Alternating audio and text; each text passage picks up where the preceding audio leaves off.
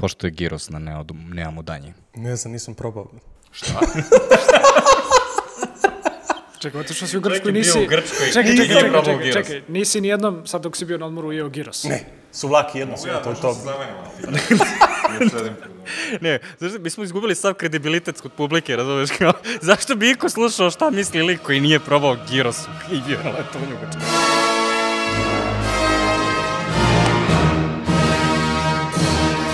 Došli na Kolegijum, jedini biznis podcast u kome svake nedelje pokušavamo da otvoreno i bez ustezanja pričamo o svim aktuelnim temama u biznisu.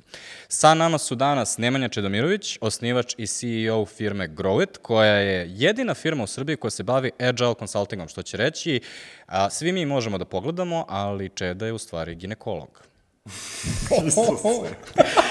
Sa nama je takođe Feđa Lučić, osnivač Morfa, kompanije za business process outsourcing, outsourcing kompanije koja verovatno ima najmanji turnover u Srbiji. Što će reći, ako ste ikad upoznali Morfovce, znate da su oni jedna prelepa grupa ludaka, a Feđa mu dođe glavni ludak. Sa nama je takođe Marko Mudrinić, osnivač portala Netokracija, koji je prošle godine kupio Infobip. Kao što znate, Netokracija je već godinama jedan od najrelevantnijih portala u IT svetu, a e, Marko, Marko malo gledamo kroz prste, pošto on čovjek sada radi u korporaciji kao jedan običan radnik. Istina. Ja sam Goran Jankulovski, suosnivač i generalni menadžer kreativne agencije Žiška i takođe sam čovjek koga su zbog ovog podcasta počeli da prepoznaju u teretani. Idemo. Aha. Stvarno? Da. Na, Tadić ima česte te susrete da ga ljudi u teretani ovaj, susreću i gledaju podcast. Ja nemam, ne idem u Ti teretani. ne ideš u tebe. Da. Mesto ne dešava teretani. Dobro, hoćemo pređemo na dnevni red. Udri. Prva stvar na dnevnom redu jeste praćenje zaposlenih. Možda ste čuli da je žena u Australiji otpuštena zato što je softver prepoznao da nije dovoljno brzo čukala na tastaturu. Sad ona je takođe, žena, žena se zove Suzy Čejko i radila je u Insurance Australia Group. Imala je ono, lošu evaluaciju, pored toga što je softver pokazao da je kliknula na tastaturu jednom u 117 sati. Ali, to takođe pokrećeće malo šira pitanja, a to je da li treba da pratimo zaposlene, da li je okej da se ovi prate zaposleni i ovaj, da li biste vi bili okej sa time da vas neko plati, prati. Da plati rasplati, sigurno, da. Čekaj, ovo nije Newsnet, nije? Nije. Nije. Pravo, stvarno Ako se ćeš da platiš, možeš i da pratiš, šalim se. Fuh, a, pazi, ajde, mogu da razumem a, zašto su to možda radili, ali se nikako ne slažem i nikako ne podržavam, niti pospešujem da se prate zaposleni na tom nivou, da li rade, koliko rade i šta rade. Okej mi je a, da se kako popularno je naš onaj Clockify kaže da se klokuje vreme, a, zarad da vidimo koliko radimo, šta radimo u smislu da li nešto isplativo, nije isplativo, da li radimo prekovremeno, da li treba da se plati neki bonus i tako dalje, ali nikako da sad ja to zamišljam kako pričaš, a, stoji neki gestapo iza te žene i kao nisi dovoljno čukala po tastaturi. Ne, ne postoji gestapo, postoji, brate, softver koji te prati šta radiš generalno. Pa to mi je smo gestapo svi- moment, mislim, kao da čikica neki sedi da nema softvera i sa protićem iza mene sedi, Ali ne svi smo čukaš dovoljno. konstantno na Slacku, svi smo konstantno na Zoomu, znači sve što je na Teamsu, sve što je potrebno da se desi je da uradiš ono što je Microsoft već demonstrirao, tipa artificial intelligence, provučem da vidim šta se dešavalo na sastanku i izvučem, ono, pored toga samo još jedan od parametara, na primjer, koliko ste, ono, tema obradili na sastanku i onda AI može da kaže koliko sam bio uh, efikasan na tom sastanku i vidi šta se desilo. Pa, okej, to mi je okej, pazi. Uh, sastanak...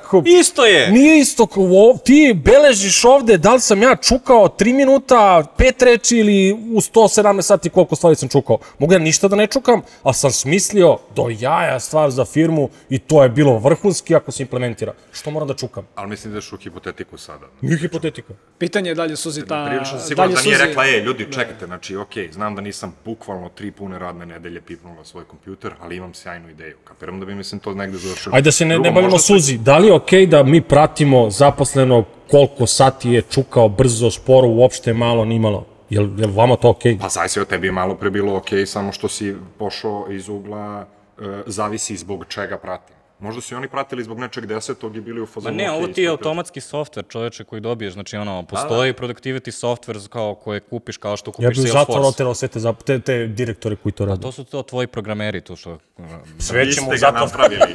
Znaš šta, reći ti samo jednu stvar, na, na određenom nivou kompanije, mislim da ne možeš da ono, baš svakog zaposlenog da ono, gledaš individualno, ovaj, mislim da naš, ono, takve, što je veća kompanija, veće su šanse da ćeš imati takve softvere. Uh, opet, ajde da se nužno pozabavimo suzi, ovaj, vjerojatno nije bilo neko ko je smišljao ideje, jel da?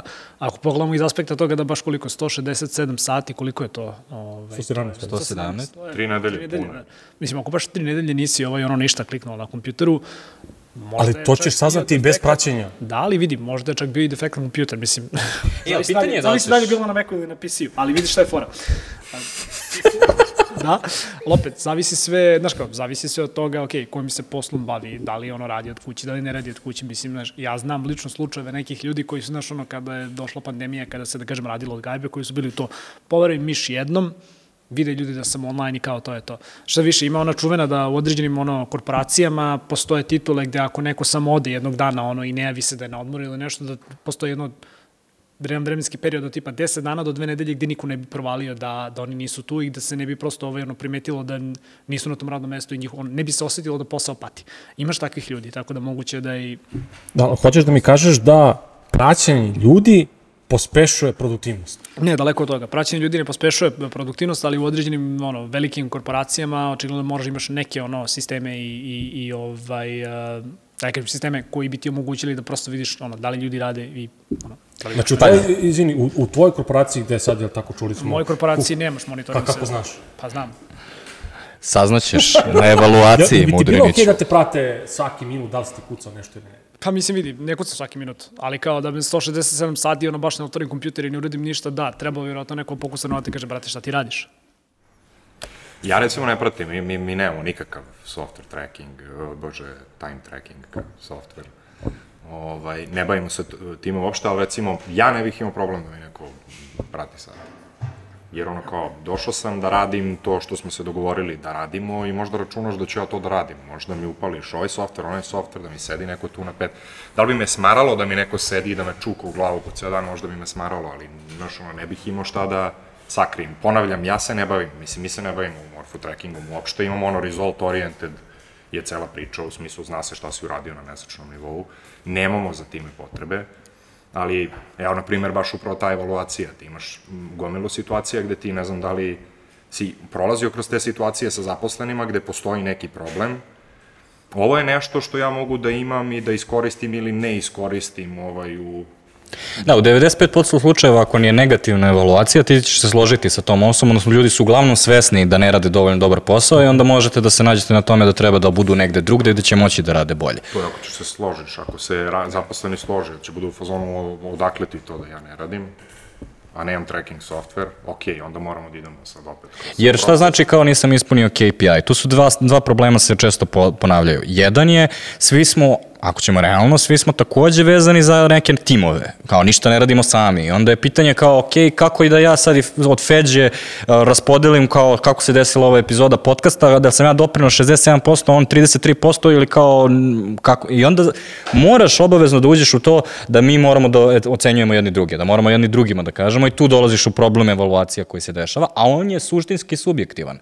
A to je malo problem kada treba nekoga da otpustiš jer ono, Da, zakon što, nije... Tim što, pazi, većina nas ovde bavi kreativnim poslom i mislim da ono kao nemoguće je da prođe toliki vremenski rok da se neko je. od nas ne uključi ili da nemaš taj kolaborativni moment. Uh, ne kažem da se gospođa Suzi nužno bavi samo nekom operativom, ali imaš zaista te, te neke poslove koji su ti ono, gomila nekog manuelnog rada, gde ti ono, možda možeš da ono, nemaš nikakav kontakt sa kolegama, već imaš neke tikete, rešavaš ih i nemaš komunikaciju sa svojim menadžerom dok tipa ne dođe ono, tromeseči, eto imaš period evaluacije, gde se opet gleda koliko si ono, tiketa uh, rešio ili nisi.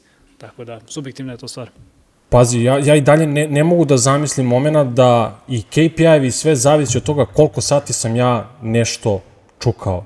Jer, ajde, možda sam ja drugačije mi mozak radi. Ako mene nateraš da ja znam da me neko prati, ja ću iz inata da nađem sistem kako ću da ga zaobiđem i da to moje praćenje nema nikakvu vrednost, a da ja ispunim KPI. Ali E, ćeš to- stvarno to da uradiš ili ćeš samo u podcastu da kažeš da ćeš Ne, to stvarno da ću da uradim. Da, Stvarno sam to mislim, radio. ali, ali pazi, Čedo, mi ovde nemamo diskusiju oko toga a, da li si ti ispunio svoje ciljeve radeći 5 ili 8 sati. Mi ovde imamo diskusiju o toga da, ono, zašto je jedan softver uhvatio jednu radnicu koja nije ništa radila, navodno 100, Ne, imamo 117 sati razlog zašto imamo diskusiju, da. zato što ljudi se šire, onako trigeruju od, Šire da, se da trigeruju, postoji da, software ali- koji te prati. Ali ovo me dosta podsjeća na privatnost, ono, diskusiju koju imamo, a to je, brate, ovi iz TikToka realno znaju, ono, sve o meni sada. To ti misliš da znaju? Da li ja, stvarno znaju? bukvalno slušaju trenutno, znači reci Air Max patike, ima da vidimo Air ovo Max, za Air Max Air patike. Max ono. patike, baš ću da vidim. Nemam TikTok, ali imam Instagram, valjda će Kao, to... i, kao šta smo, ono, bili smo jako tužni kada smo to saznali, ceo jedan dan i onda smo nastavili da scrollamo više nego ikad. Na, pazi, a, sve što pričam u podcastu i što ću pričati je nešto što živim i, i primenjujem to, to, to si me bocno, pa, pa moram da odgovorim. Evo, je- jedna, jedna samo scena, mogu, mogu više njih. Radio sam u jednoj velikoj korporaciji, svi koji su tamo radili sa mnom, sjetit će se ove priče. A, ja sam bio neki, neka vrsta vagabunda koji sam pokušavao da menjam stvari iznutra, što je jako teško sad iz ove perspektive da, da iznutra promeniš stvari. Dakle, velika nemačka korporacija gde ne mogu da doprem do senior menadžera nikako. I šta je uradio? 200 i nešto na tom spratu je bilo, gde sedi senior management, i svi, tako nemačka, nemačke firme funkcionišu, 12.00 svi idu na ručak. Znači od 12 do 12.45 svi su na ručku, 200 ljudi. Ja ulazim u kantinu, u tu kuhinju, šta god da je, bos u čarapama, u Nemačkoj, među Nemcima koji 20 nešto godina tu rade, svi su u košulji, kravati, šta god, a ja dolazim bos. Samo da im pokazao da se, ej, ja sam tu, imam nešto da vam kažem, slušajte me.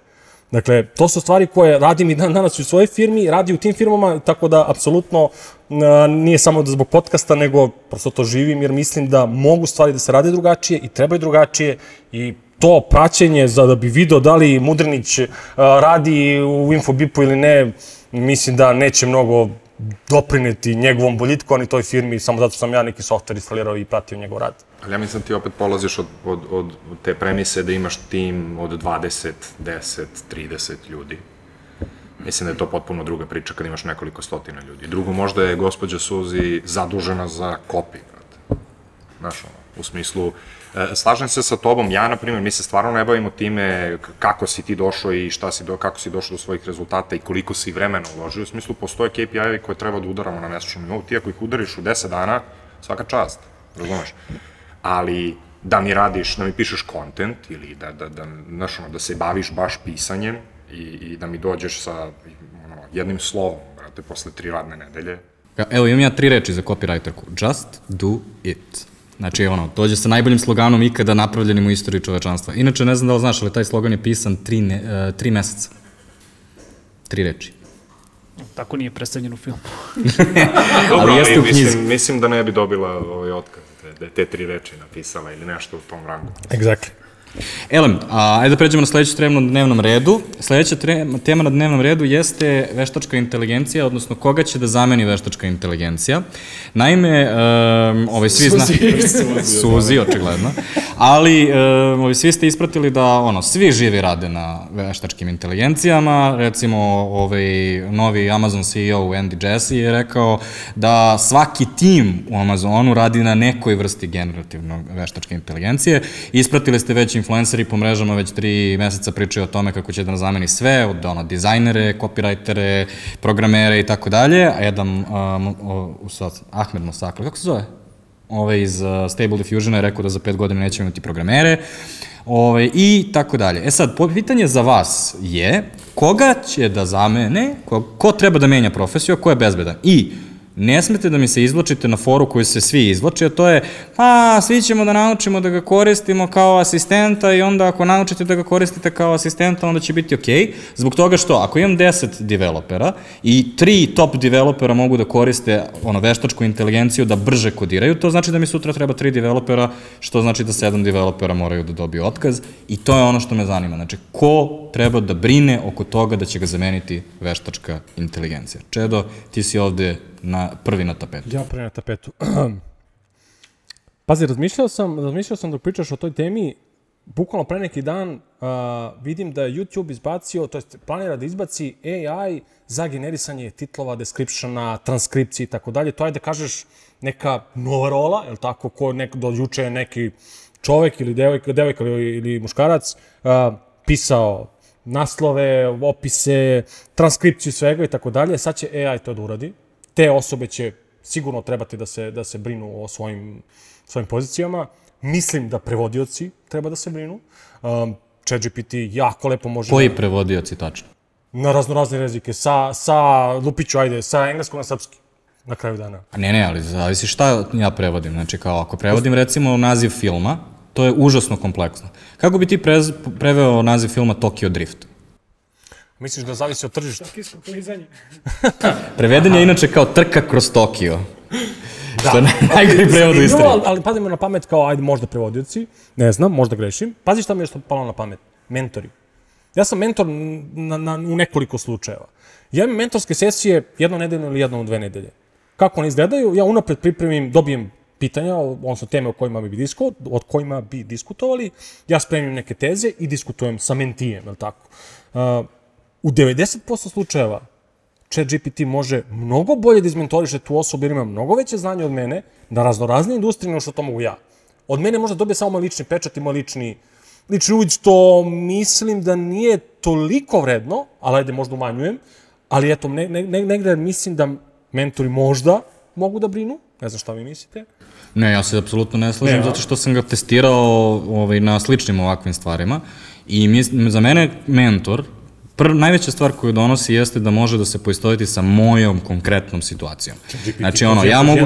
Se poistovećuje. Ma gde može se poistoveti, vratit će mi ono, treba da intervjuišeš zaposlene da pitaš šta, šta, šta misle o tome. Onda se, ovaj, pitaj ljude koji su tvoji pirovi da ti daju neka moguća rešenja. možeš Onda da uporedi rešenja. Znači, imaš beskrajno opšte do beskrajno opšte. Ja želim da znam, ova osoba ovaj, imam konflikt sa tom osobom. Taj konflikt je jako kompleksan. Ovo je kompleksan problem u koji ti moraš da uđeš. Na primjer, ovo je plata te osobe. Ta osoba želi toliko veću platu, a ovo je moja profitabilnost. Razumeš? To je ono što ti kao mentor treba da mi, na tom nivou treba da mi objasniš ono, dude, Znaš koje je najčešće pitanje koje, to je ne pitanje, odgovor koji dobijem na moje pitanje kad radim s klijentima iz ugla konsultinga, pošto Grović se bavi konsultingom, naša industrija je mnogo kompleksna.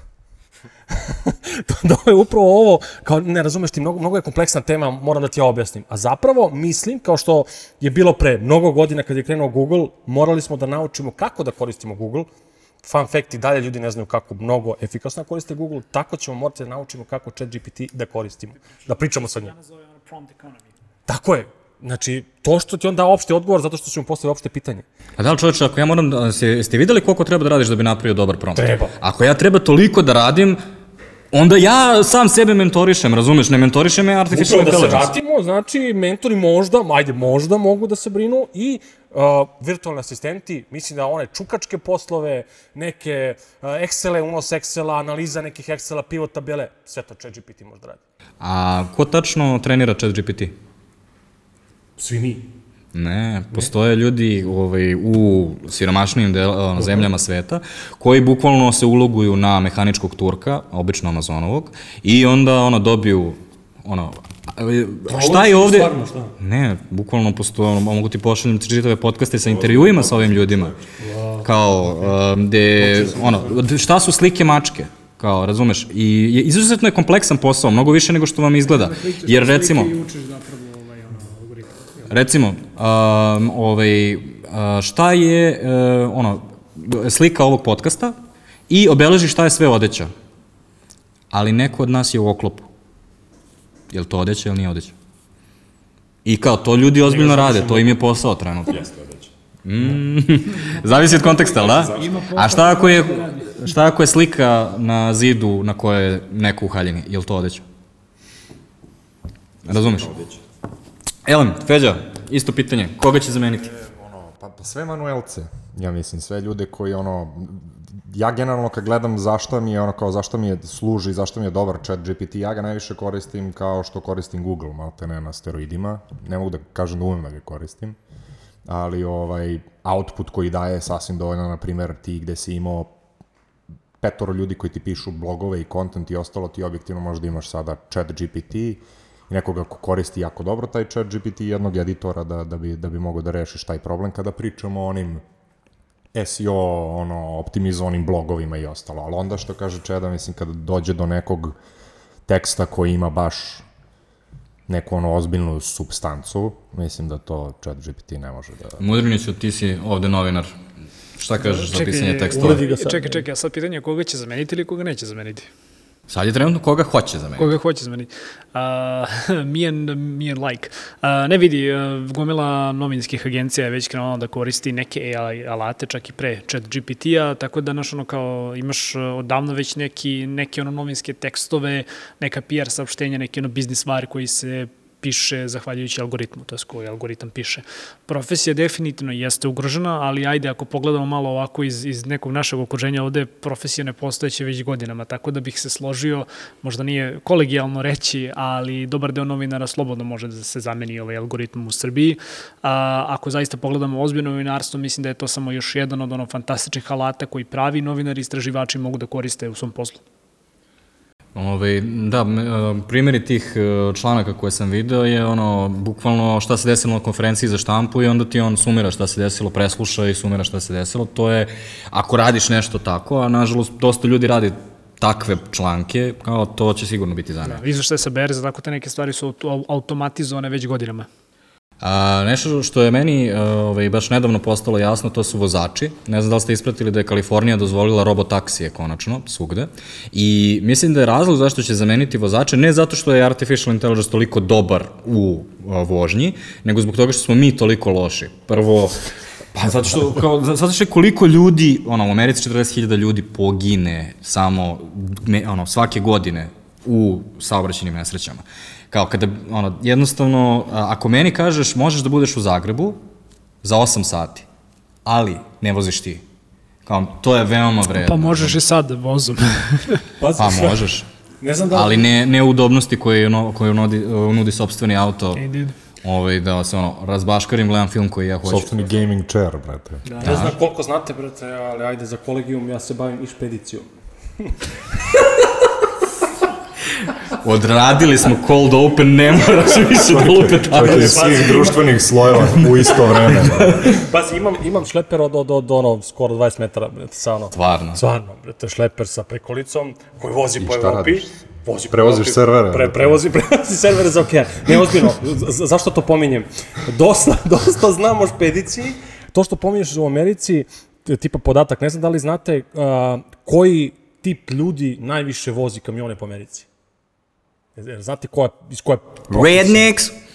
Znači, ljudi koji su ono, bivši zatvorenici, koji ne mogu nigde da se zaposle, jedino gde mogu da se zaposle je špedicija koja im dozvoljava da, da se zaposle takvi ljudi i nije čudo što se dešavaju takve, jer oni nisu nesreće zato što nisu edukovani ili tako. Da, ali imam samo jedno pitanje, zar nije trenutno shortage, to jest manjak I uvek će vozača? biti. Znači, pazi, šta, šta se dešava sa e, industrijom mode, hrane, pića? Neko mora to da preveze. Znači, špedicije nikad neće Ima ona umreti. čuvena izraka, if, if you bought it, a truck brought it. Da. To, to, to je to. Znači, prvo, ta industrija nikad, nikad neće izumreti. To sa robotima je okej do nekog trenutka, a trenutak je kad se pokvari kamion. Šta će u nekoj pustinji u, ne znam gde u Americi, brate, ili u nekoj Arizoni, šta god, šta će ta robot da radi? A šta će radi vozač, brate? Popravi, brate, ili... Voz, ovo je AAA, brate, i to je to, meni će ovde ne nužno, isk, iskreno, ono, ovde bih se složio sa Čedom, dosta njih ima ono to neko znanje da, da ono, popravi kamion u takvim Ali situacijama. samo je pitanje da li je dovoljno brzo neophodno da bude to. Razumeš kao, ako je treba da, ako absolutely positively needs to be there overnight, što kaže FedEx, onda okej, to ima, pije vodu. Ali nije neophodno da moja majica za Zaru stigne ono, preko noći, ako kasni dve nedelje, zašto Da, vidi, pokvari, nije- okej. nije tebi- nije- nije tebi neophodno, ali neophodno, onome ko, ali brate, vozi te kamione da. i ko ima taj biznis, brate, tebi sat vremena košta hiljade dolara, bukvalno. Znači, ti imaš, na primjer, na loading docku u Americi, eto, tako, dođeš, na primjer, da utovariš svoj kamion i nema mesta gde da se ti parkiraš i da kreneš u utovar, ti naplaćuješ kompaniji kod koje dolaziš da, da utovaraš 1000 dolara po satu za kašnjenje. I imaš, mislim, hiljadu tako nekih momenta, izuzetno je skupa, tran, skup transport u Americi, trenutno pogotovo što je gorivo duplo skuplje nego prošle, nego prošle godine.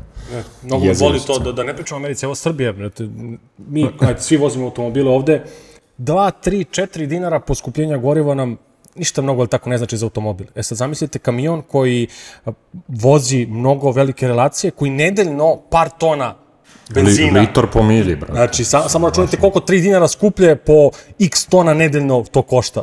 Neverovatno Šta, velika razlika. mislim da se svi globalno suočavamo sa, sa manjkom vozača. Imali smo one čuvene vesti gde nemamo više vozače srpske nacionalnosti koji voze autobuse po Beogradu, nego smo morali da krenemo da uvozimo radnu Jeste. snagu, što iz mog ličnog, ono, lično mišljenje da je to super stvar. Jel da? S druge strane, a, ne bih nužno rekao je Kalifornija je baš svetao primer kako neke stvari treba da se rade, pogotovo posljednjih dana kada vidimo da ljudi krajnje slobodno ulaze u prodavnice i uzimaju robu, ako se ne varam, do iznosa od 900 dolara ili tako nešto, zašto valjda onda ne mogu da ih ovaj, ono, da kriminalno gone ili kako već. Tako da mislim da je Kalifornija onako država za sebe, ima neke specifičnosti. Zašto su po meni ono, roboti vozači super stvar za delivery, za tako te neke stvari, imaš neke ono use case-ove gde to može da se, ovaj, da se primeni, ali mislim da ono industrija a, prevoza u smislu taj trucking industry, mislim da to nije industrija koja će baš tako lako zaživeti. Sad vidjet ćemo. Nije, ali evo sad podsjeti me kad ti pričaš, šta možda jeste? Evo, ono, što bi rekli, hot take, šta god. Kasirke.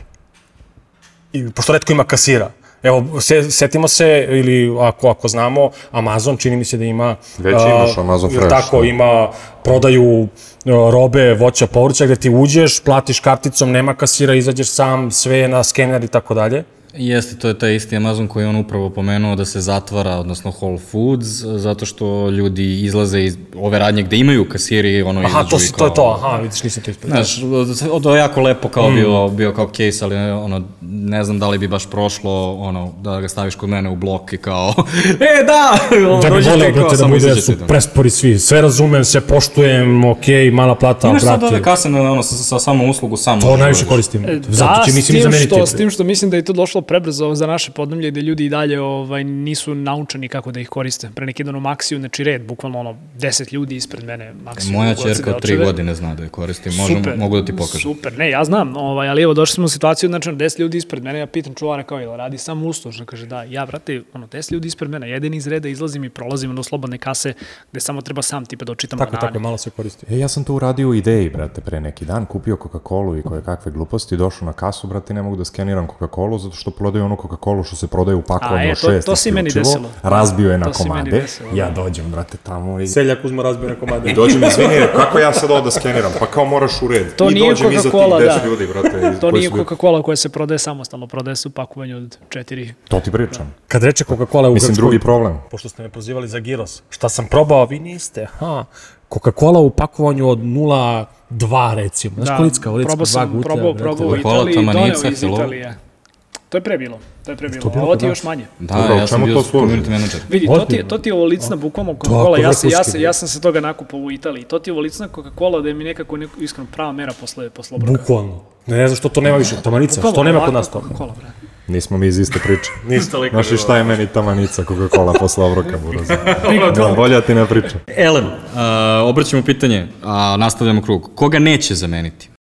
Pa mislim da smo pomenuli sad, brate. Neće zameniti te kreativce, tebe koji smisliš tamanicu, brate, ne može chat GPT tamanicu da smisli nikako pa da ga jebeš, ne znam da smijem da kažem to, ne, bip. A, znači, te kreativne industrije, kreativce, a, već špediciju, mislim da, smo, da smo došli od toga da teško da možemo da, da, da ih zamenimo. Neće Sve zameniti, te stvari mog, neće gde zameniti mog keramičara. keramičara neće zameniti, te, te jel tako, zanate.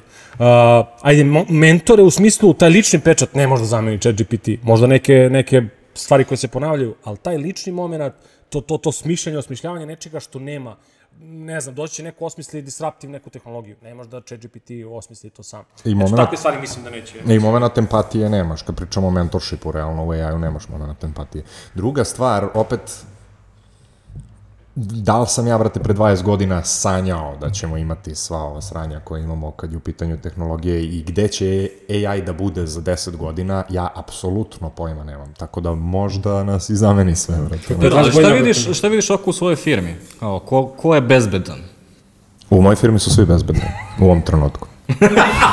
Pre svega, pre svega, zato što sam, zato što sam ozbiljan, generalno mislim protivnik, protivnik siljenja AI-a, u smislu ovo što, što ti kažeš da se koristi kao kao alat, Alat, ono, kao i svaki kao, drugi alat, da. Da, kao pomagalo ovaj, ljudima gde ti možeš da podigneš svoj output ili kvalitet ili da skratiš pešački deo posla, istraživanje, pretpostavljam da u, u novinarstvu funkcioniše po tom principu, pitaš, ej, u smislu, e, šta se desilo, ne znam, u Pakistanu. Pazi, imaš brate, čak, i, ono, imaš čak i da kažem ovaj, ono šta je bio naš use case, ovaj, uh, izlistavanje nekih tema. E pa to. Znaš, Predlozi, da. predloži Ne, tako te momenti- neke stvari, znaš, ono, dati, dati, dati neki pravac u kom dalje možeš da nastaviš da razmišljaš. Da. Ali opet sve se vezuje za to kakve promptove ti zapravo njemu daješ i koliko, na, na, kako i na koji način ga teraš da razmišlja, ajde. Da, Ali opet tripujem da će i ti promptovi da, znaš, ono, da će to da, da, da, da se prilagodi prosečnom useru. Ja mislim da ćemo više doći do toga da će AI još više da se prilagodi našim promptovima nego što ćemo ceo svet da naučimo da piše promptove onako kako sam vidio da neki ljudi Pravo pišu ti kažem, evo, samo ću se ovde kratko nadovezati na jednu stvar koju si malo čas rekao. Nemam problem sa AI, ali imam veliki problem sa tim što gomila ljudi sada sili AI, Trpa, jer ovo da. vidi kao još jedan od trendova na koji treba ono skočiti, ono, let's jump on that train i voziti ga do kraja. Imam ja hot take, a neće zameniti ni jednog menadžera. A znaš zašto? Ne zato što ne mogu da rade taj posao, nego zato što menadžeri uvek sami sebi izmišljaju posao. Kao jedini, da sve, zna, svi znaju šta hoće, menadžeri ne bi trebalo da postoje uopšte. I onda ćemo samo da imamo sve više, ono, imaćeš menadžer, menadžera za sve manji i manji deo onoga što treba da se menadžuje. Znači, recimo, ako danas imaš menadžera koji ti isporučuje celu kampanju, u budućnosti ćeš imati menadžera koji ti isporučuje samo jedan vizual. Samo menadžer za jedan vizual. Ima smisla. A to je okej, okay, nećemo menadžera da diramo. Nećemo da da kao. Negde, negde moramo da povučemo liniju. Negde mora crtu. Dobro, onda sledeća stvar na dnevnom redu jeste hibridni rad.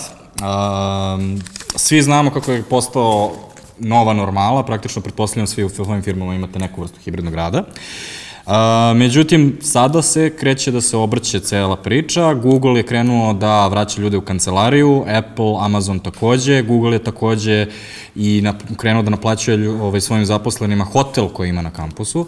Veoma smešno, ali Zoom je takođe tražio ljudima da se vrate u kancelarije, a ne znam da li ste ispratili, najglasniji e, protivnik hibridnog rada je postao Elon Musk, koji je od toga kreirao zaveru laptop klase koja sada sedi kući dok ostali moraju da rade i to nije fair i tako dalje. Tako da, šta mislimo, da li je hibridni rad tu da ostane ili će sada u sklopu svih ovih otkaza i svega da bude revidiran kao privilegija? Koga pitate, druže Gorane? Druže, Feđa, vi ste na tapetu. E, ja mislim da će samo malo više da se izbalansira. Mislim da, mislim da remote rad zahteva jednu dozu discipline, unutrašnje discipline i ovaj, e, motivisanosti da ti radiš kako treba ovaj, od gajbe i van. Ja recimo nisam neko ko može da radi od gajbe. Postoje neke stvari koje mogu, u smislu kad treba pišem neki tekst ili nešto da, treba, da mi treba da sam potpuno izolovan, ali 90% stvari koje radim, radim mnogo bolje i efikasnije iz kancelarije. Što ne znači da polazimo te premise u svojoj firmi, u smislu svako ko ume da radi iz gajbe kako treba, više mu odgovara, ne znam, uštedi više vremena i ono svi ti benefiti, mislim, s kojima smo upoznati, apsolutno nemam problem i ne diram te ljude, ali postoji veliki broj ljudi koji krenu da rade od gajbe i onda početni elan rada od gajbe prvih nedelju dana kidaju, razumeš? I onda krene to da opada jer ti nemaš tu ono kao ne znam, nemaš radnu atmosferu u, u, u, na gajbi, pretpostavljam. Ne znam kod koga je koji problem, ali ja lično Dođu u više... ne- situaciju ko suzi. I zato mi, mislim da, da, da će hibridni rad da ostane, ali mislim da neće biti u, u, u, u ovoj meri zastupljen koliko je sada. Samo zato što mislim da nema u, u tolikoj meri ljudi koji imaju tu sposobnost i, i ovaj, tu neku disciplinu da, da sami sebe guraju, da se postara da ustane iz kreveta i da sedne i da radi u sati koliko mu počinje smena, a ne 15 minuta kasnije, čeka završeni seriju, popim kafu, ovo ono. To su sve stvari koje utiču na produktivnost. I mislim da je više ljudi koji padaju pod uticaj tog komfora, nego ljudi koji su u stanju da svaki dan ustanu u isto vreme i budu u fazonu. Ja A šta je vaš osjećaj, šta je trenutno ekvilibrijum, šta je normala trenutno na tržištu? Mislim, ok, sigurno nije više rad od kuće, full ljudi da rade od kuće, to je redko. A, neke firme imaju ono, sada je realno ponedeljak i petak je kinda. 3-2-2-3, da. Šta 3, 2, 2? 3-2-2-3, to je neki ekvilibrium trenutno koji mislim na, na tržištu da je, odnosno dva dana od kuće, tri dana ofis ili tri dana ofis, dva dana Firme od koje su kuće. postale malo tolerantnije, malo su fleksibilnije, da ako jedan dan trebaš da ostaneš kući, da možeš da ostaneš kući. Pazi, fu, o, ova tema mene mnogo boli uh, i mnogo, mnogo sam osetljiv na temu i ti si pomenuo i produktivnost, ali taj hibridni rad, zašto? Prvo, Grovit je remote first, odnosno maltene remote only. Uh, šta to znači? Uh, radi se remote, jedino, osim u nužnim situacijama ako mora da se ide u ofis. Uh, ne bih da budem previše strog, ali želim tihu i bolnu smrt svim kompanijama koje nasilno guraju 5 dana u ofis ljude da se vrate, jer, smo, jer je korona dokazala i pokazala da može da se radi od kuće. Gde? Kako? Ali gde je pokazano? Naravno u industrijama koje može, sve cool, postoje industrije koje ne mogu, u, za ovim stolom 85, 95% stvari mogu da se rade od kuće, potpisujem. Da li mogu da se rade toliko i, i toliko efikasno? Recimo, ti ako si, ako dođeš u kancelariju kao jedan menadžer projekata u Žiški, mm -hmm. ti ćeš realno mnogo pre da završiš stvari tako što ćeš bukvalno da odšetaš do nečijeg stola, da pitaš i da završiš. Ja imam konverzaciju sa Radulovom koju sam screenshotovao. E, jel možeš sad? Daj mi dva minuta. Jesi tu? E, tu sam sad. Jel možeš sad? I to traje po 35 minuta mi pokušavamo razmenimo jednu informaciju, a sve vreme nas dvojica u stvari vrtimo u glavi isti taj projekat i vrtimo u mestu. Mnogo mora da se prilagodi firma radu od kuće. Procedure moraju potpuno drugačije da budu, ne važe ista pravila. Evo samo primer, Shopify, znate svi. Automatic, ne znam da znate, firma koja stoji iza WordPressa, gde 85% interneta je na WordPressu. Uh, tako je. Uh, Basecamp, jedan od najpopularnijih project management alata. WPP, možda iz svoje industrije interesantan. WPP je jedna od vodećih kreativnih agencija koja za klijente ima Coca-Cola i jedina agencija koja radi Coca-Cola, radi remote. Dakle, mogu kreativne industrije da rade online, ako se prilagodimo tom poslu i ono što je bilo evidentno i pre korone, rad od kuće je bio evidentan i pre korone, ono što je evidentno danas, nije rad od kuće, nego rad from anywhere, odnosno rad odakle god. Kompanije koje ne usvoje to kao politiku imaće problem da zaposle dobre talente, jer one kompanije koje to nude, bit će u prednosti. Uh, WPP je ono, globalni konglomerat koji ono, ima 30.000 zaposlenih, tako da šta god da kažeš o njima sad ono, je nezahvalno jer uvek postoje izuzeci. Međutim, siguran sam da kreativni rad ne možeš da napraviš dobar da bude preko Zuma, jer pro, pokušavali smo to mi to više puta, ali postoji jedno pravilo, ako ja pravim reklamu koja je smešna, ako svi ne padaju na dupe od smeha u sobi u kojoj se dešava pravljenje te reklame, ta reklama neće biti smešna. Znači, ako ti kad je prezentuješ, klijent ne pukne od smeha, neće biti smešna kad izađe na TV, televiziju. Neće ništa da se desi bolje. A ti ne možeš da kreiraš taj, tu, taj vibe kada mi dođemo i kao, jel me čujete svi? A sad? Evo samo, ne, mutiran si, mutiran si, i tako dalje. To sve ubija vibe, razumeš? Ne dešava se razumem. ljudska, razmena ljudske energije koja ti je neophodna da bi se napravilo nešto kreativno. Sve to razumem, ali ne prihvatam da, da, da, da to je jedina stvar koja te drži kao kreativna industrija, da ti moraš da dođeš u ofis, a, jer mogu da zamislim da će najbolji talenti hteti da rade od kuće zato što ili imaju decu ili hoće da rade sa Tajlanda ili hoće da rade od ne znam odakle god i ti ćeš pustiti takvog čoveka samo zato što imaš politiku moraš da dođeš ovde jer misliš da će Ne, ne, mi kreativa... imamo po, ove, isto, ove, mi nismo remote first, mi smo whatever first, odnosno okay. whatever works uvek bili i mi smo ovaj, pre pandemije imali problem da smo terali ljude da idu kući u smislu kao, brate, sedi, iskuliraj ono i leto je, ono, ne, ne, ne cimate klijent, šta ćeš mi ovde, razumeš? Ono, uzmi to vreme da se odmoriš, to, to je, bukvalno smo imali taj problem. S- s- samo još jedna stvar i, i neću dalje. Veliki sam pobornik remote rada, mnogo veliki protivnik sam hibridnog rada koji kaže da isti tim, znači isti tim, recimo da je 10 osoba, petoro njih od kuće, petoro, petoro, petoro u kancelariji. To ne radi posao. Kompanije, nemojte to raditi, zato što imaš mnogo veliki problem u komunikaciji, neće se dobro završiti posao. Ili su svi online, ili su svi remote. I šta ćeš sa matričnim timovima onda? Kako? Matrični timovi, oni koji su cross-funkcionalni. Onda znači, da recimo, se ti si u napravi taj 3 marketingu, plus 2. Dakle, ili 3 dana u ofis, svi u ofisu, 2 dana svi od kuće. Nikako miks. Neće raditi. Da, znaš kako, ovaj, mislim da je ovo problem koji postaje jako vidljiv ono, at scale. Ako, m, ako si ti u firmi od 10, 15, 20, 30 ljudi, mislim da može da nađeš neki način da određeni broj dana u nedelji radiš od uh, kuće. Ja lično evo, volim da dođem u kancelariju, volim da imam, ne, volim da imam taj neki ono proces da sam to neko, to neko vreme gde sam ono, posvećen poslu, gde mogu da ono, radim sa drugim članovima tima i prosto nešto, ono, to je nešto na što sam se navikao. Isto tako volim fleksibilnost da ukoliko sam na moru ili negde drugde, a ono, želim da radim, znači nisam uzeo odmor, već sam otišao negde drugde, ali imam tu mogućnost da radim odakle god, da imam tu mogućnost. A, mislim da kao čitava diskusija koja se, koja se ovde postavlja jeste što određene organizacije, kompanije, koje nužno nisu, kao što si pomenuo ove, da su ono bile remote first ili da, da imaju baš ovaj, toliko razvijen mindset da naš, ono, se sve stvari beleže asinhrono, da imaš potpuno drugačiji vid komunikacije. Mislim da je takim kompanijama jako teško da se prilagode da imaju tu neku ono 3 plus 2 strategiju ili kako god.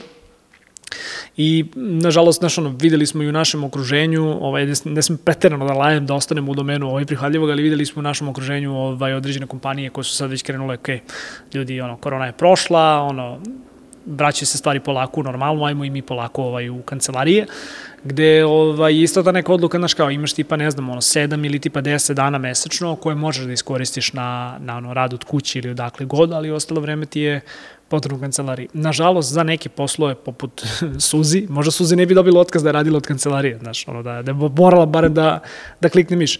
Ali ovaj, problem, ono, problem je evidentan kada kažemo, ovaj, govorimo o organizacijama koje su at scale. Ajde, da, da, da kombinujemo to at scale i, i, ovo Goranove, Goranove kreativne industrije i tvoj malo pre pomen, a, moment od, o, o produktivnosti da su ljudi produktivni ili nisu. Evo, bukvalno čitam ovde dok, dok pričamo, juče Nikola Mijailović iz, iz Džobertija objavljuje na LinkedInu, kaže, jedan od, jedna od osam osoba u UK-u je imala seks u vreme kompanije, u, u, u toku kompanijskog vremena, u toku radnog dana, gde su to zapravo milenijalci u prosjeku od 24 do 35 godina. To je od kuće. Postavlja se pitanje, su bili od kuće, znači imali su seks tokom radnog vremena sa supružnikom ili ne, sad ne zalazimo. Uh, moje pitanje je, da li bi vama bilo okej okay da se to dešava vašim zaposlenima ako im produktivnost poraste i još deliveruju, uh, deliveruju tu kreativu, je, je, je onda to prihvatljivo raditi od kuće, a kad su kancelari to nemaju taj moment i benefit, onda nisu produktivni. Šta ćemo onda? Da li osobe koje snimaju content za OnlyFans u radno vreme, da li one potpadaju, da, da, da, ali da li, da li, da li one potpadaju pod tu kategoriju, to je sad trik pitanje. Čekaj, da, da, da, Govorio si Peću. Tane, ti imaš informaciju da je skočila produktivnost. Ne, nemam informaciju, ja postavljam, znači, činjenica je da, je, kažem ovako, činjenica je da je jedna od osam osoba imala seks u toku radnog vremena dok je radila od kuće. Dobro. E sad, ja postavljam pitanje, da li je to što je ta osoba imala seks povećalo produktivnost ili ne, šta ako jeste? A ti si izgubio taj benefit kad imaš u ofisu, on ne može sa svom suprugom ili A suprugom onda sam, da, ne, da, pazi, ja sam pogrešan čovjek da, da, da bude kontrolno, jer ja sam stvarno, ja, ne. dakle, to, te istine na stranu. Ovaj, ja sam generalno, kod nas vlada ono, meritokratija, bukvalno, znači, ako daješ rezultate koje treba da daješ, radi od kuće, nemoj da radiš od kuće, radi šta god hoćeš dok si kući i s kim god hoćeš, znači, apsolutno mi to nije bitno, razumeš? Samo Mi nemamo client sastanka, da. facing priču, imamo naravno tipa putem telefona, maila, poruka i ostalo, ovaj, nije da smo ono door to door salesmeni, znaš.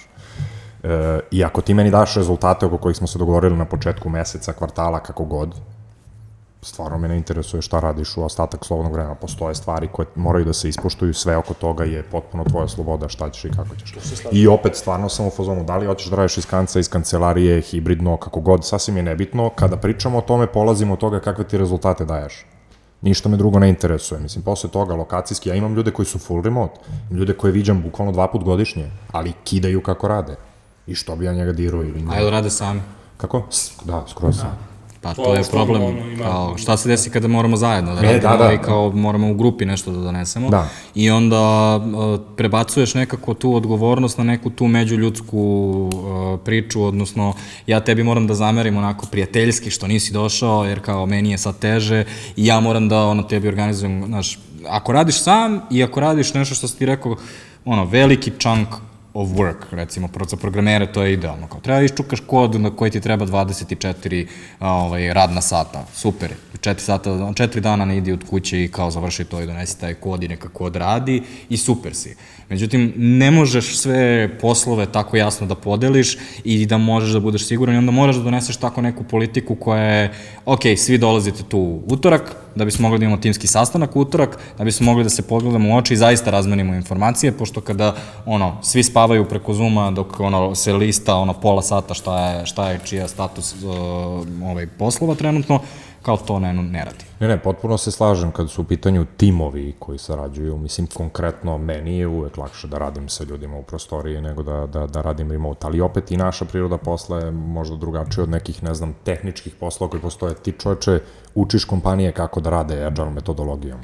Znači, ono, najmanje si podoban čovjek da pričaš o, o nefunkcionalnosti, mislim, tih remote timova i svega, bukvalno se baviš time da praviš timove koji su, ono, potpuno zato što znam agilni da i može, maksimalno, zato- upravo to, znaš, ali, ali ja recimo, e, e, teško ti možda primeniš, ne znam, agilnu metodologiju koju, rada koju primenjuješ u developmentu, u, u mojim sales timovima. 85% klijenata mi je non-IT.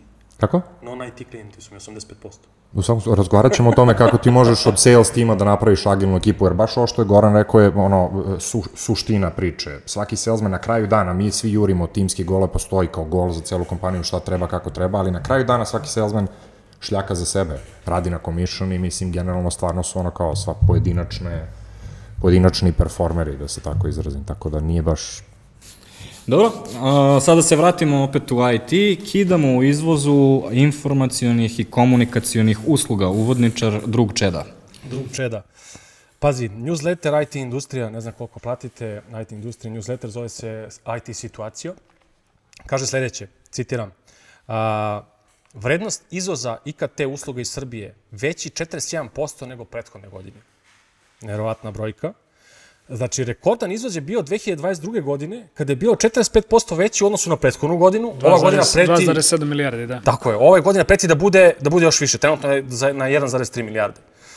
Sad, to su velike brojke, ogroman, ogroman rast, ogroman skok s jedne strane. S druge strane imamo situaciju da je mnogo veliki broj otkaza tako u IT industriji. A, zatim, još jedna od, od, od interesantnih stvari koje kaže, to prenosi Ekapija, inače preko ovog newslettera, kaže, jedan od tri ključna motora razvoja srpske ekonomije je IT. A šta su druga dva? Nisam... Maline, brate. Verovatno mali. Ali ovo mi je interesantno zašto. To je i dobro i loše. Dobro je zato što je tako, imamo nešto što radi, znamo da radi. Loše je što to jedino radi. Moje pitanje je ko će da uči našu, našu buduću decu, ko će da nas leči. Ali ono Chat što- GPT. Kako? Chat GPT. Chat GPT. Ali ono što me još više zanima, dakle imamo, je tako, rekordan izvoz IT usluga, gde složit ćemo se da, pričali smo i prošlog puta, da je više od 80% i tog izvoza outsourcing. Šta je moje sad tu bojazan? Taj outsourcing ima svoj plafon. Doći će, i ga već nismo, nismo dotakli, šta će se desiti onda? Ne može više da raste toliko, jer posao će otići Poljacima, otići će Rumunima, otići će Filipincima koje smo pominjali, nema više posla za nas, dakle samo će krenuti da pada. Šta mi kao industrija možemo da uradimo i kako se mi ophodimo prema tome da izađemo iz tog, prošli put smo pričali bubble, da, da li bubble nije bubble, dakle moje pitanje i bojazan je šta, šta, kako se mi kao industrija i ljudi ophodimo prema ovoj informaciji da je, da ponovim, 47% veći izvoz IT, IKT usluga ove godine nego prethodne. Ali to je samo jedna onako kao cifra, nije, nije se zašlo malo detaljnije u to ko zapravo doprinosi tom Ako imaš tom više rastu. informacija. Da. Nemam, nemam više informacije, pravo ti kažem, kada sam vidio to u pripremi, malo sam se onako zaprepastio kao, ok, da, da, da li zaista toliko. A, pre svega, ono što mislim da prosječan slušalac bilo kog podcasta u Srbiji ne zna, a, jedan od najvećih razloga i najbitnijih faktora zašto smo prošle godine imali toliko ovaj uh, izražen rast uh, ovaj izvoza IT usluga jesu ruske kompanije koje su došle u Srbiju. A, do, doprinalo je tome naravno izuzetno jak automotive sektor, jer ok, imamo s jedne strane ono klasičnu diskusiju, imaš outsource versus product, um, ti verovatno znaš, uh, automotive u poslednjih nekoliko godina beleži fantastične rezultate i jako se puno novca sipa u automotiv u Srbiji. A, mislim da je definitivno, ako pogledamo za ovu godinu, taj podsektor a, imao značajan udeo a, u, da kažem, celokupnoj ovaj, cifri. A, sad, vidi, do kraja godine ima još dosta. Mislim da smo se negde možda malo stabilizovali sa ono otkazima, pošto je leto, pošto se malo, da kažem, stvari ovaj, pritajle, ali jako mi interesuje da vidim koliki će da bude ovaj izvoz do, do, do kraja godine. Mislim, ne znam šta da kažem, znači, kao, ako, ako, super ako je zaista toliko, ali mislim da svi mi koji sedimo za ovim stolom nekako to ne osetimo tu cifru. Pa moje mišljenje je da će čak i da, da postigne tu rekordnu vrednost baš iz upravo iz razloga tih otkaza. Zašto? Imaš mnogo manje fiksne troškove. Da, ali to ne utiče na ovu cifru koja kaže da je ukupan izvoz. Znači, ono, to je samo koliko smo naplatili, a to da li sam ja manje... Nekoliko nam je ostalo, da. Da, da, da. da. Ove, ali meni uopšte ne bi čudilo da je da su otkazi samo ono stvar ono realno panike, ne, ne bih rekao kao sad ono obavezno neko ono ide u naokolo i misli ono maše rukama, ali znaš, ako ti, ono ja čujem da si ti otpustio pet developera, pa onda gledam da je Facebook u godini efikasnosti i sve oko mene mi govori da moram i ja, kao baš moram da budem ono ludak da, ono, da budem u fazonu, ne, ne, kod mene svi dalje rade ono sve full i onda počinješ ono da, da misliš da li je sve ovo u stvari narativ koji omogućava tim kompanijama koje su realno unajmile previše ljudi, da sada malo naprave reda koji, koji je ono, apsolutno neophodan.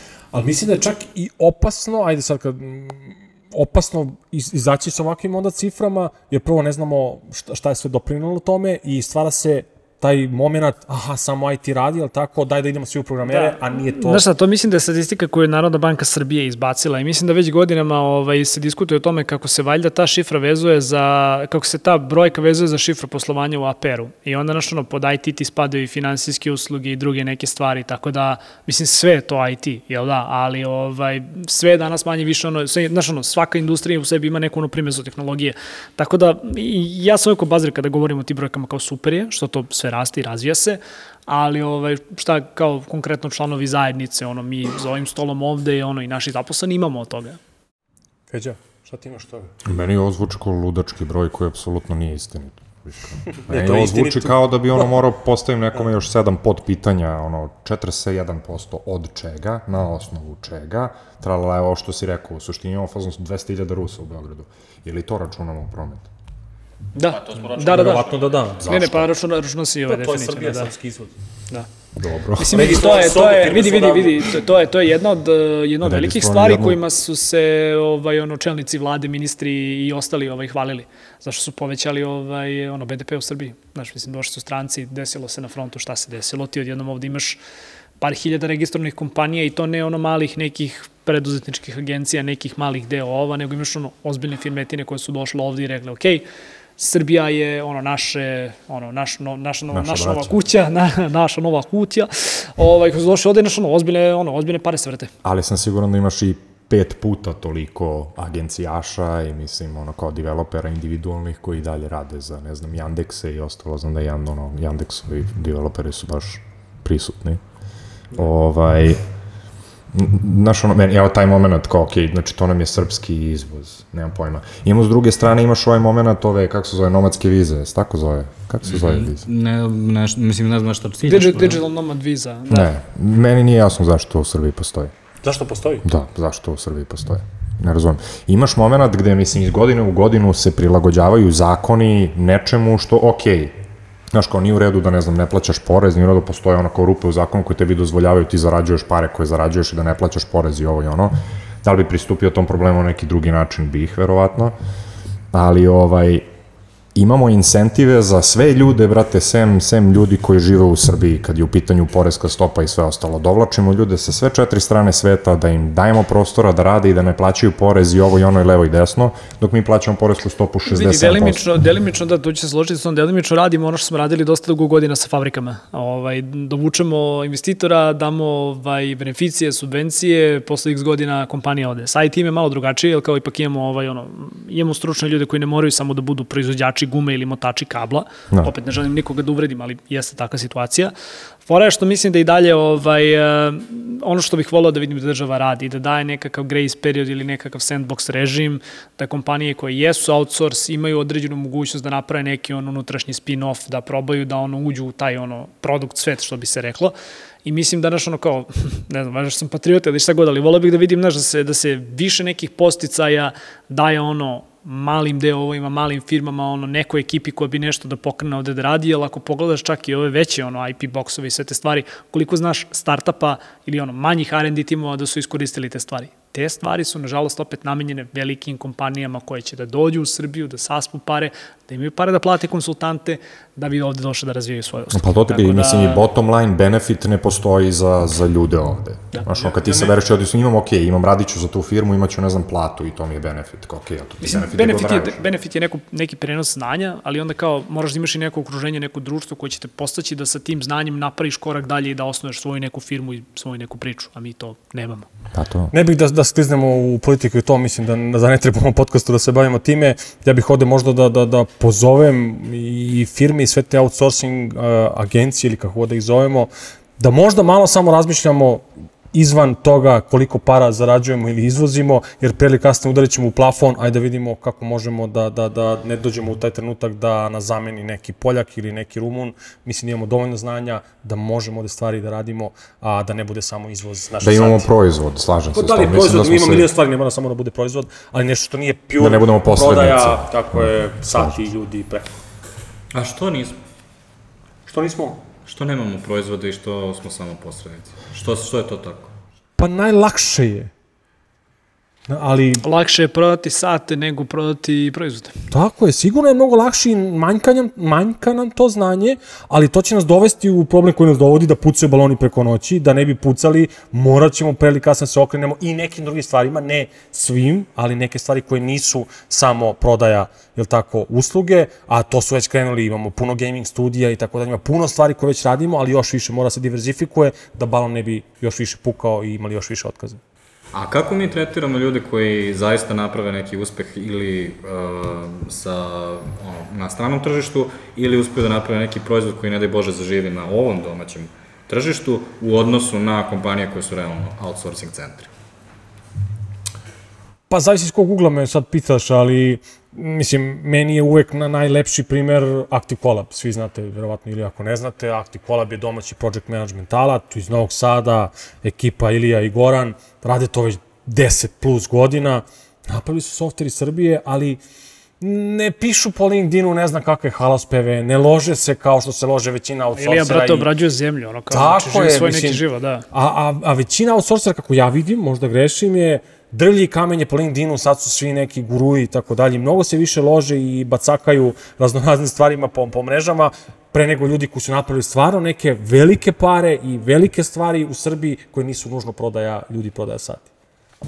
Ok, s time smo završili sa dnevnim redom i možemo da krenemo na pitanja sindikata. Ovo će biti stalni deo podcasta.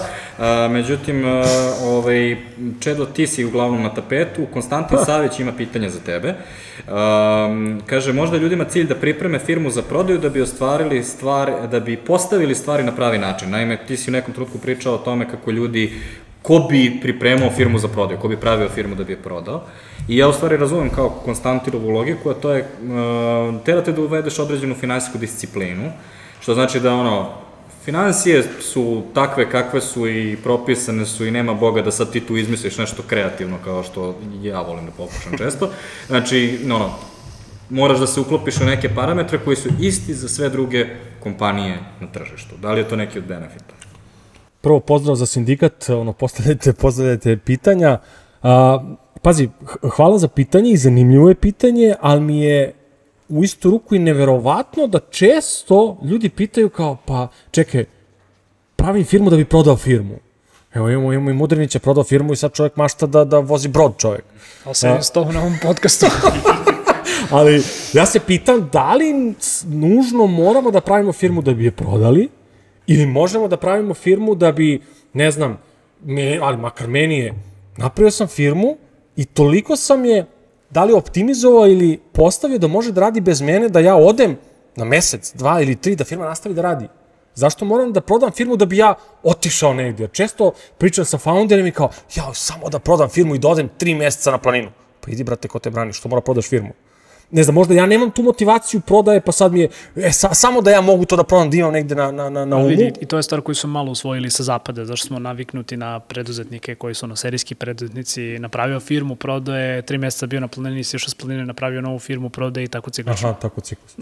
Da, to je ovaj, konkretno venture capital model u startupima jako bitan zbog toga što ti dođeš u određene skale I tvoj biznis ne može da raste više bez toga da neko u njega uloži fazno 100 miliona dolara. Mm. I ti ne možeš da nađeš 100 miliona dolara izuzev kao investiciju. Ja ću I reći samo još- Taj, ta akvizicija, odnosno tvoja prodaja firme je u stvari kao što je Microsoft akvizirao OpenAI, u stvari ono, vi nama plaćate Azure servere koje mi vama svakako dajemo, ali mi to izražavamo na kraju kroz neki deo vaše buduće dobe. E, reći ti samo još jednu stvar, ovaj, spomenuo se VC kapital, a, gomila fondova ulože u kompanije koje su ono ciljeno, bukvalno ono, pravljene od nule da bi se prodale. Znaš, kao da nije uopšte ono endgame da ti ono, imaš firmu od 20-30 ljudi, svi ste srećni, svi ste jedna velika porodica, ne, nego cilj, ono, za pet godina pokaži mi biznis plan koji će te za pet godina dovesti u poziciju da možeš da se prodaš za toliko i toliko para.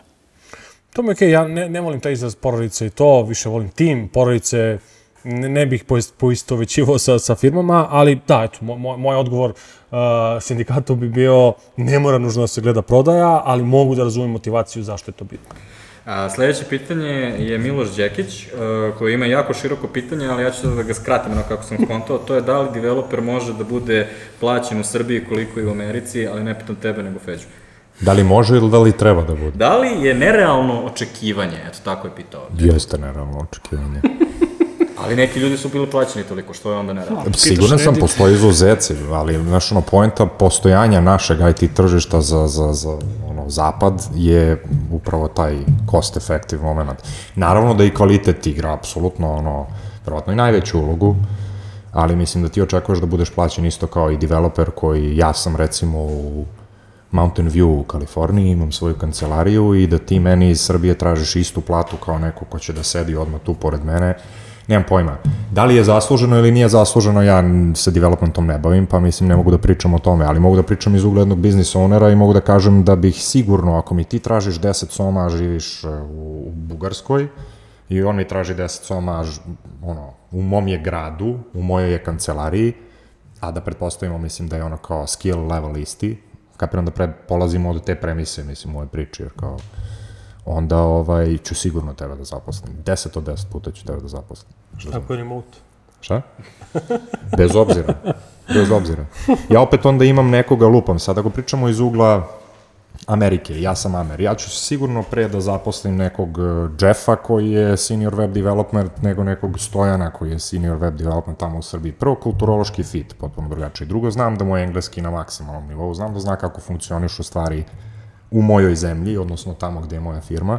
I ako je full remote, bez obzira, mogu da ga dovedem u kancelariju, popričam s njim, da imam, ne znam, timski sastanak i ovo i ono, a da ti ne apliciram za vizu, brate. Šta misliš o sledećem argumentu? Um, kao, objektivno gledano, Znaš, mi svi uvek budemo u fazonu, objektivno gledano, ako njih dvojica rade isti posao, onda treba da budu isti plaćeni. Ali niko nikad ne gleda objektivno.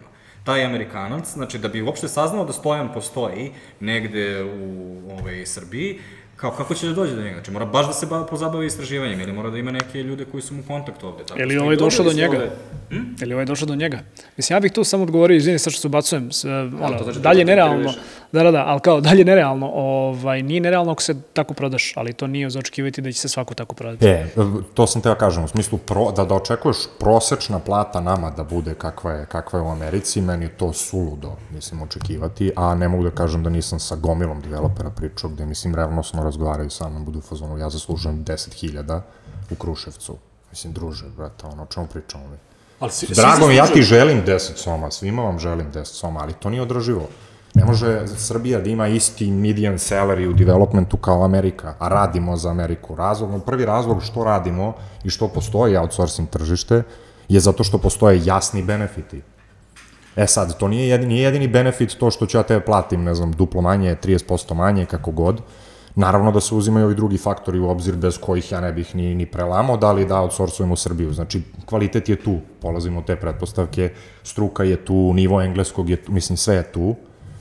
I ono, kada dođemo na kraju do cene, A Znaš. nije li to još jedna stvar koja blokira nas da napravimo neke sobstvene proizvode i tako dalje, zbog toga što je jed, najlakši način da dobiješ tu veću platu jeste da uđeš u neku outsourcing firmu koja ona, ima svoje ono, šljakanje i sve ostalo, a ljudi koji bi želeli nešto da naprave ne mogu da plate te cene jer ne posluju već postojeći na američkom tržištu. ne bih rekao da je prepreka, nego opportunity, kako, kako se zove, ono, prilik, šansa.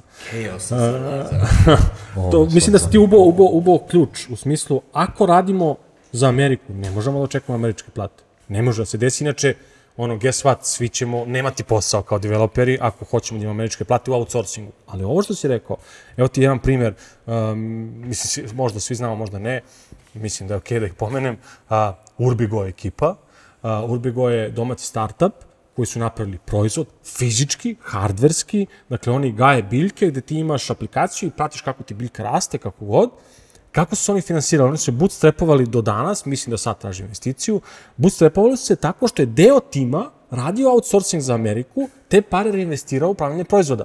I mislim da je to sjajan primer kako šansa može da bude što radimo za Ameriku, a ne nužno da sučemo sve pare i kao srpski gaz da uzmem sve pare kao, pa, brate, jebi ga, nema pare, kao, nema za investiranje u proizvod. Ne.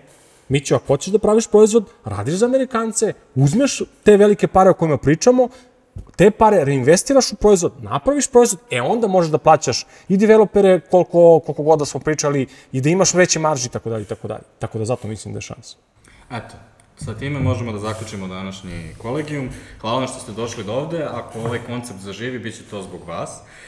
Želimo da otvorimo, kao što smo rekli, drugačiji otvoreni razgovor o biznisu, a to je jedino moguće ako se i vi uključite i zato ćemo redovno imati ova pitanja sindikata. Radni narod, vidimo se na sledećem kolegijumu za dve nedelje.